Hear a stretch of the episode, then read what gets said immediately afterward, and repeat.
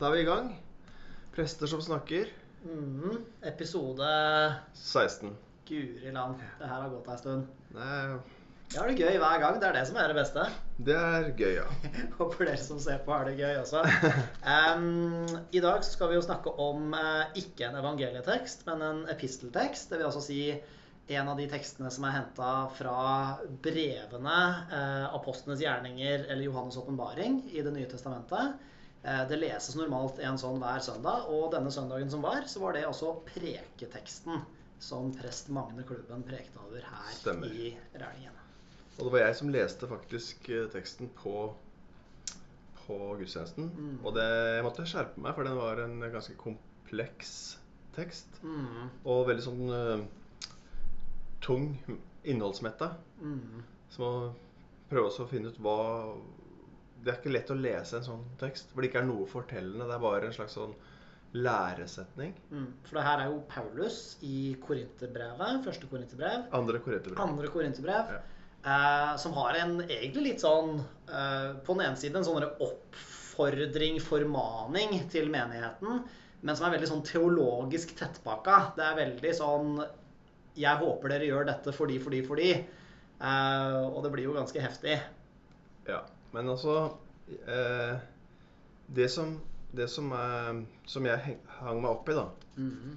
det er det som eh, står her eh, Han som ikke visste av synd, har han gjort til synd for oss, for at vi i ham skulle få Guds rettferdighet. Mhm.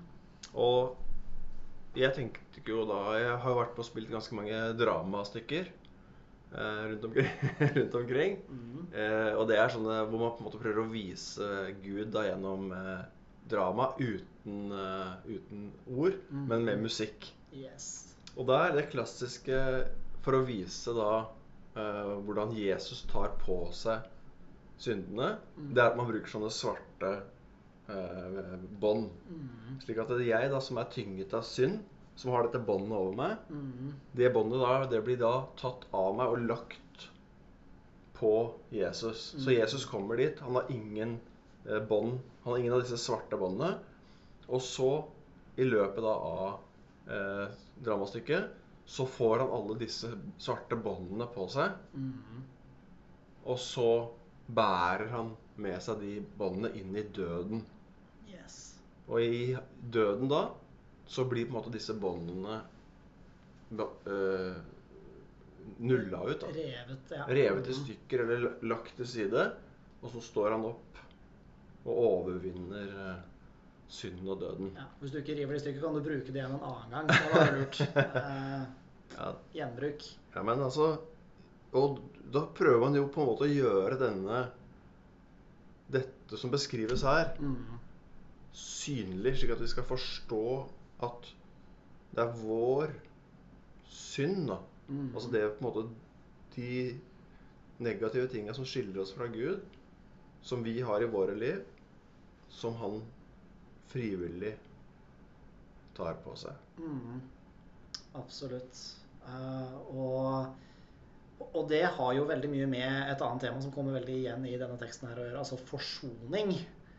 Um, det, det er et ord jeg ofte har syntes har vært veldig vanskelig, særlig i forhold til forsoning med Gud, men også forsoning mellom mennesker. I det betyr ikke det på en måte at alt skal være greit hele tida, at man skal gå og være venner hele tida, og at det er på en måte ingenting som kan være gærent. Men så var det altså en klok prest som sa til meg en gang at nei, Espen, forsoning det forutsetter en erkjennelse av at det har skjedd noe galt. At hvis f.eks. jeg kaster en snøball på deg, Åsmund, så er det ikke sånn at jeg tenker at din kristne samvittighet pålegger deg å bare tilgi meg umiddelbart. Du kan synes at det er lompent gjort og rettmessig egentlig ønske at jeg ber om unnskyldning for det, eller i hvert fall erkjenner at det var kanskje ikke hyggelig av meg å kaste den snøballen. Og på samme måte tenker jeg det blir litt med oss og Gud. Vi må på en måte huske litt på at det er vår synd som Gud tar på seg. Eh, og at det Jeg har ikke lyst til å si kanskje blir en forutsetning for tilgivelse, men at det kanskje er i hvert fall en veldig viktig essens av hva det for meg er å være troende. da. Det å vite at den nåden, det livet, den friheten jeg har i Gud, den, eh, den kom ikke gratis. jeg fikk den gratis, men det var en veldig dyr pris som ble betalt for det, og det var at alt det som tvang meg ned i kne, var det noen som måtte ta på seg i stedet. Ja. Og det er jo det klassiske bildet, og det at du tenker Siden du erkjenner din synd, da, Mhm. så blir du også takknemlig for nåden. Altså det, at du får det gratis. At, Mhm. men, og forsoningen. Men, men altså når Jesus da tar på seg disse syndene mm. og bærer dem opp på korset La oss bruke det bildet. Ja. Så gjelder jo det all synd før, etter Det er en slags sånn kosmisk begivenhet Mhm. som på en måte strekker seg bakover og forover i tid, og som på en måte er sånn altomfattende. Mm. Men hvorfor? Ikke sant? Altså, Gud Hvorfor er Altså, hallo. Hvorfor kan ikke Gud bare være Gud? Hvorfor må han drive med sånne handlinger? Hvorfor, må, hvorfor krever Gud et offer for å tilgi synd? Mm. Når det er han som krever? Han er den samme som krever, og så skal han plutselig betale mm. til seg selv. Det er et kjempegodt spørsmål, og det er jo det innbakte spørsmålet i det som vi kaller for den objektive forsoningslæra. Altså ideen om at Gud lagde reglene, og det betyr på en måte at Gud egentlig fikser sitt eget rot når eh, synd er noe som fins og som må tilgis. Det er jo absolutt en måte å se det på. Og jeg fikk det fremlagt i et bilde en gang som jeg syns var ganske artig. Det er at eh, du blir stoppa på veien og får vite at eh, du, du var ikke klar over det, men det er faktisk ikke 80 her, det er 40. Så nå har du faktisk kjørt for fort, du. Men det går greit, fordi det var en fyr rett nedi her som sa at han skulle ta båten for deg, så det er ikke noe farlig lenger. For da sitter jo du der bare som et spørsmålstegn og tenker ja, men jeg følte jo ikke at jeg gjorde noe galt.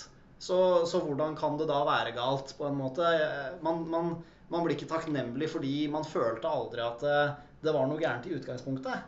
Nei, du hadde ikke Du hadde ikke noe erkjennelse av at du hadde gjort noe galt.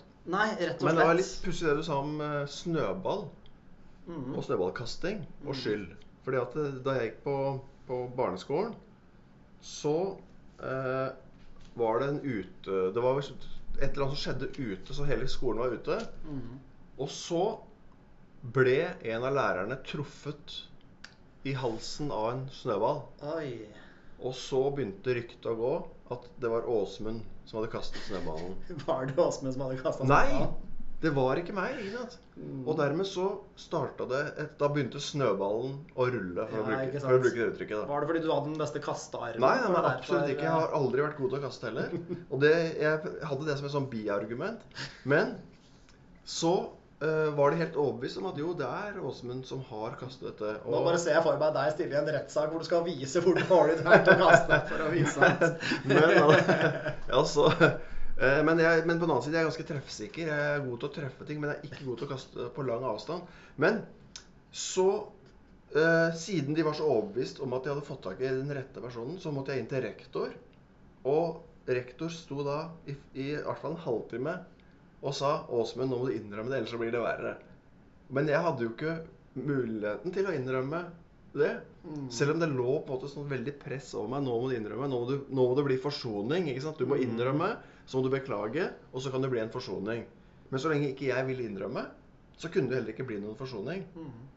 Så jeg var på en måte Jeg kom i en uh, utrolig kjip situasjon da, som tolvåring. Uh, Fant de noen gang den skyldige? Nei. Nei. Jeg tror de trodde at det var meg, men at jeg blånekta. At jeg, var en forher at jeg hadde forherdet meg. Rett og slett. Ja, ja. ja, det, ja Jeg det- kjenner på de følelsene allerede.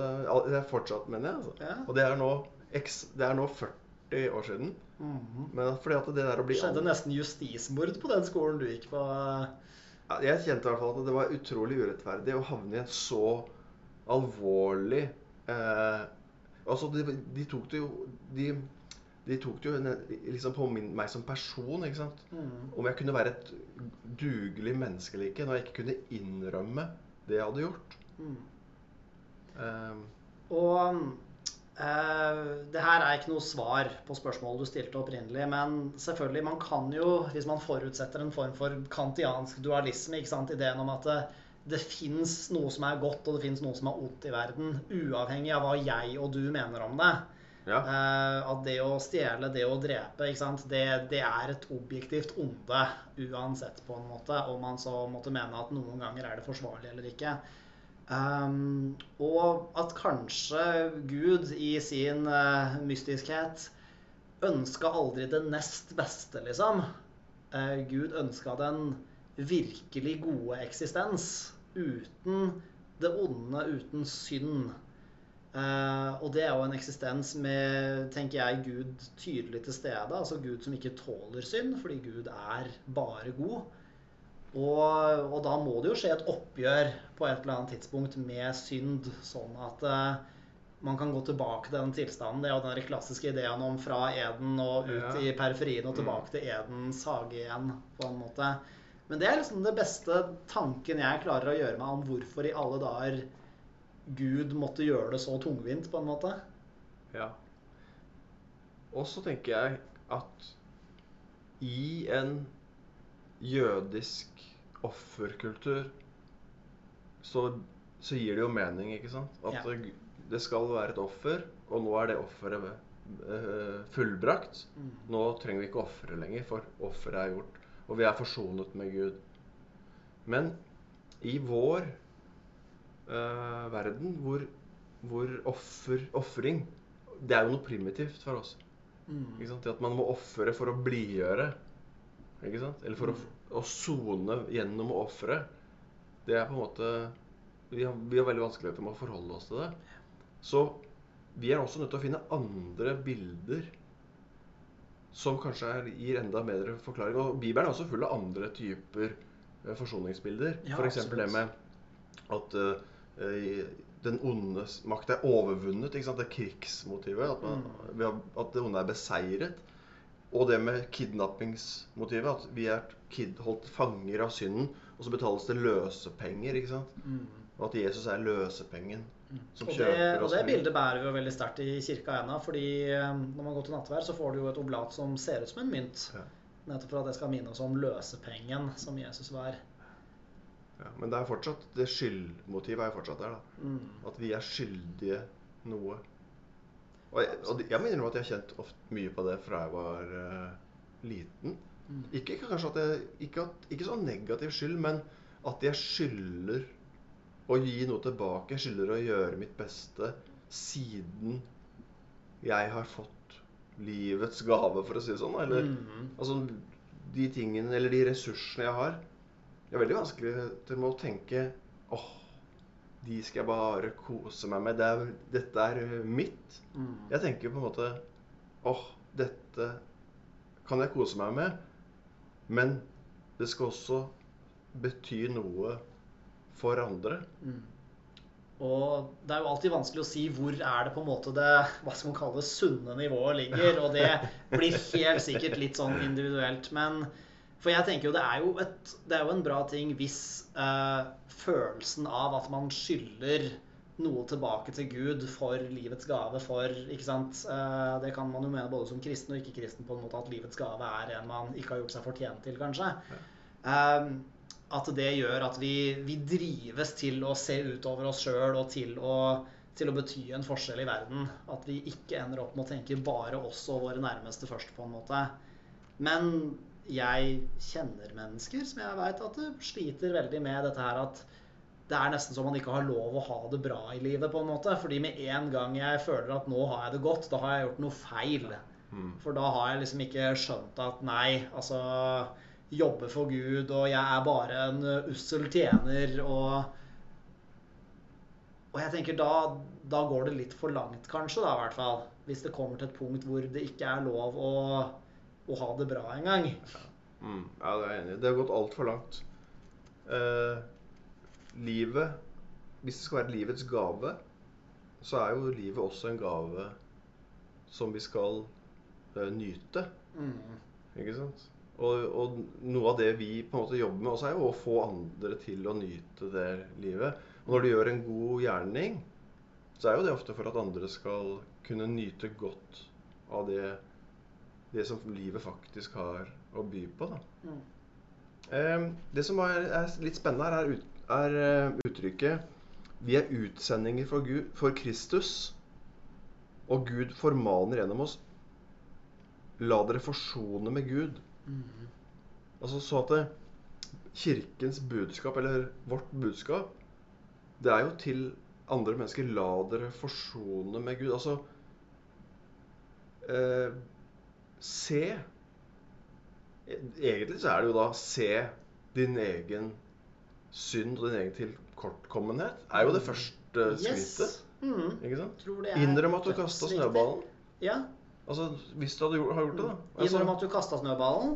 Innrøm at du kanskje noen ganger skulle ønske du kasta snøballen. Det hadde bare vært så digg å bare hyle en snøball rett på folk du ikke liker, eller rektor nå, etter Ja, ikke sant? For eksempel. Altså, da, da, du skulle nesten ønske at du hadde kasta den, ikke sant? Bare Ja. sånn fordi Ikke sant? Det, det kjenner jeg meg faktisk igjen i. Flere ganger i løpet av den prosessen tenkte jeg åh, skulle ønske jeg bare hadde, at det var jeg som hadde kasta. Mm. Da alt, hadde på en måte, alt gått opp på en helt annen måte.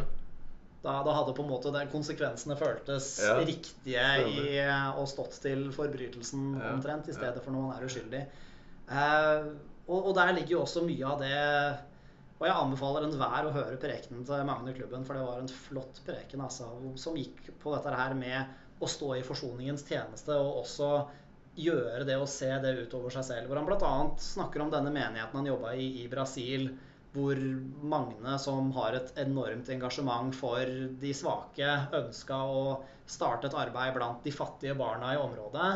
Og fikk tydelig beskjed om at det, du må bare prøve, men du kommer ikke til å få noe hjelp fra de der Jeg husker ikke hva ordet han sa. Altså de der late, fattige, ubrukelige folka der ute, liksom.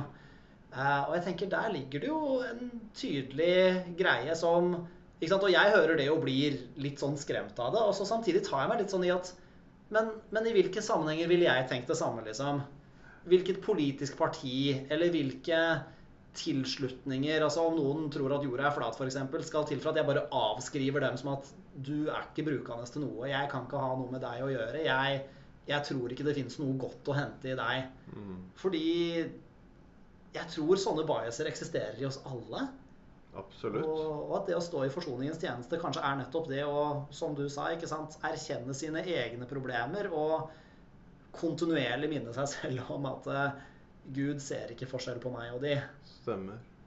Men kanskje jeg som den mer, la oss kalle det, våkne av de, eller den som i hvert fall prøver å skue mine egne blindsoner, er den som skal strekke ut en hånd, heller enn å være den som setter meg til doms over andre. Ja. altså Jesus sier jo et sted at eh, Hvorfor ser du eh, flisen i din brors øye og ikke bjelken i ditt eget? Men så, sier han videre, ta først ut bjelken fra ditt eget øye. Da kan du se klart, og se, ta flisen ut av din brors øye. Mm. Altså, det, eh, Ansvaret ditt opphører ikke. Det er ikke bare sånn ja, du er ikke noe bedre, så, så ikke, ikke bry deg. Men du, skal, du må først sørge for at du må, du må beskikke ditt eget hus. Og så kan du være ute i forsoningens tjeneste. Ja. Men jeg har aldri opplevd Jesus som en som er på en måte opptatt av moralsk relativisme. At uh, ingenting er riktig, og ingen kan ta noen på noe. Men Nei. at dobbeltmoral og hykleriskhet var jo det han virkelig ville ta folk på. At uh, folk som ikke hadde rydda i eget hus, skulle komme og mene ting om andre. ja. hmm. Eller at man bare gjorde det pga. fordommer. da. Du tilhører den og den gruppa. Du er Mm. kvinne, du er toller, du er eh, spedalsk. ikke sant? Man har sånne forut-kategorier. Mm. Ja. Og en ting Jesus sier som alltid har sittet i meg, og, og det har alltid vært en stor inspirasjon. altså Det kunne fort blitt noe ordentlig gærent, men det har for meg bare vært en inspirasjon hele veien. Det er når han sier at det begeret du måler opp for andre, det skal du selv måles etter. Og da har jeg alltid tenkt at guri, jeg må passe på å være raus. Ja, Hvis ikke så her ligger jeg dårlig an. ja nettopp. Stemmer. Derfor må jeg være raus, ja. Ja, ja, Hvis jeg skulle bli tatt på ting jeg har tenkt og ment og sagt om andre, da det hadde aldri gått bra. Så jeg har mye å ta igjen på å være raus. Med den eh, selverkjennelsen så sier vi takk for i dag. Mm. Du, jeg gleder meg veldig til neste torsdag. Nå. Ja, Fordi da, da blir det jo påskemåltid. det blir det. Og nå er det jo så mange restriksjoner, så nå kommer det til å bli et rent eh, familiemåltid. Mm. Men det blir også da eh, åpent for andre til å delta hjemmefra. Ja. Og det kan man gjøre alene eller med familie. Stemmer. Så blir vi liksom en stor familie som deltar. Mm. Det er helt riktig. Så det er, har ikke noe å si hvor, hvor mange man er. Det blir like hyggelig for det. Mhm. Og oppskrifter, enkle oppskrifter, og en slags eh, bruksanvisning, det blir, kommer til å bli lagt ut på Facebook og, og kirkas hjemmeside. Ja, kjempebra. Så følg med på Rælningens hjemmesider og Facebook-sida vår. Og bli med på påskemåltid. Det blir skikkelig koselig. Stemmer. Og det blir da i stedet for prester som snakker neste uke. Ja, det, blir på, så det kommer på skjærtorsdag. Ja. Og da starter livesendinga klokka kvart på sju. 18.45. Veldig flott. Mm. Så ses vi om to uker. Takk for nå. Guds fred. Guds fred.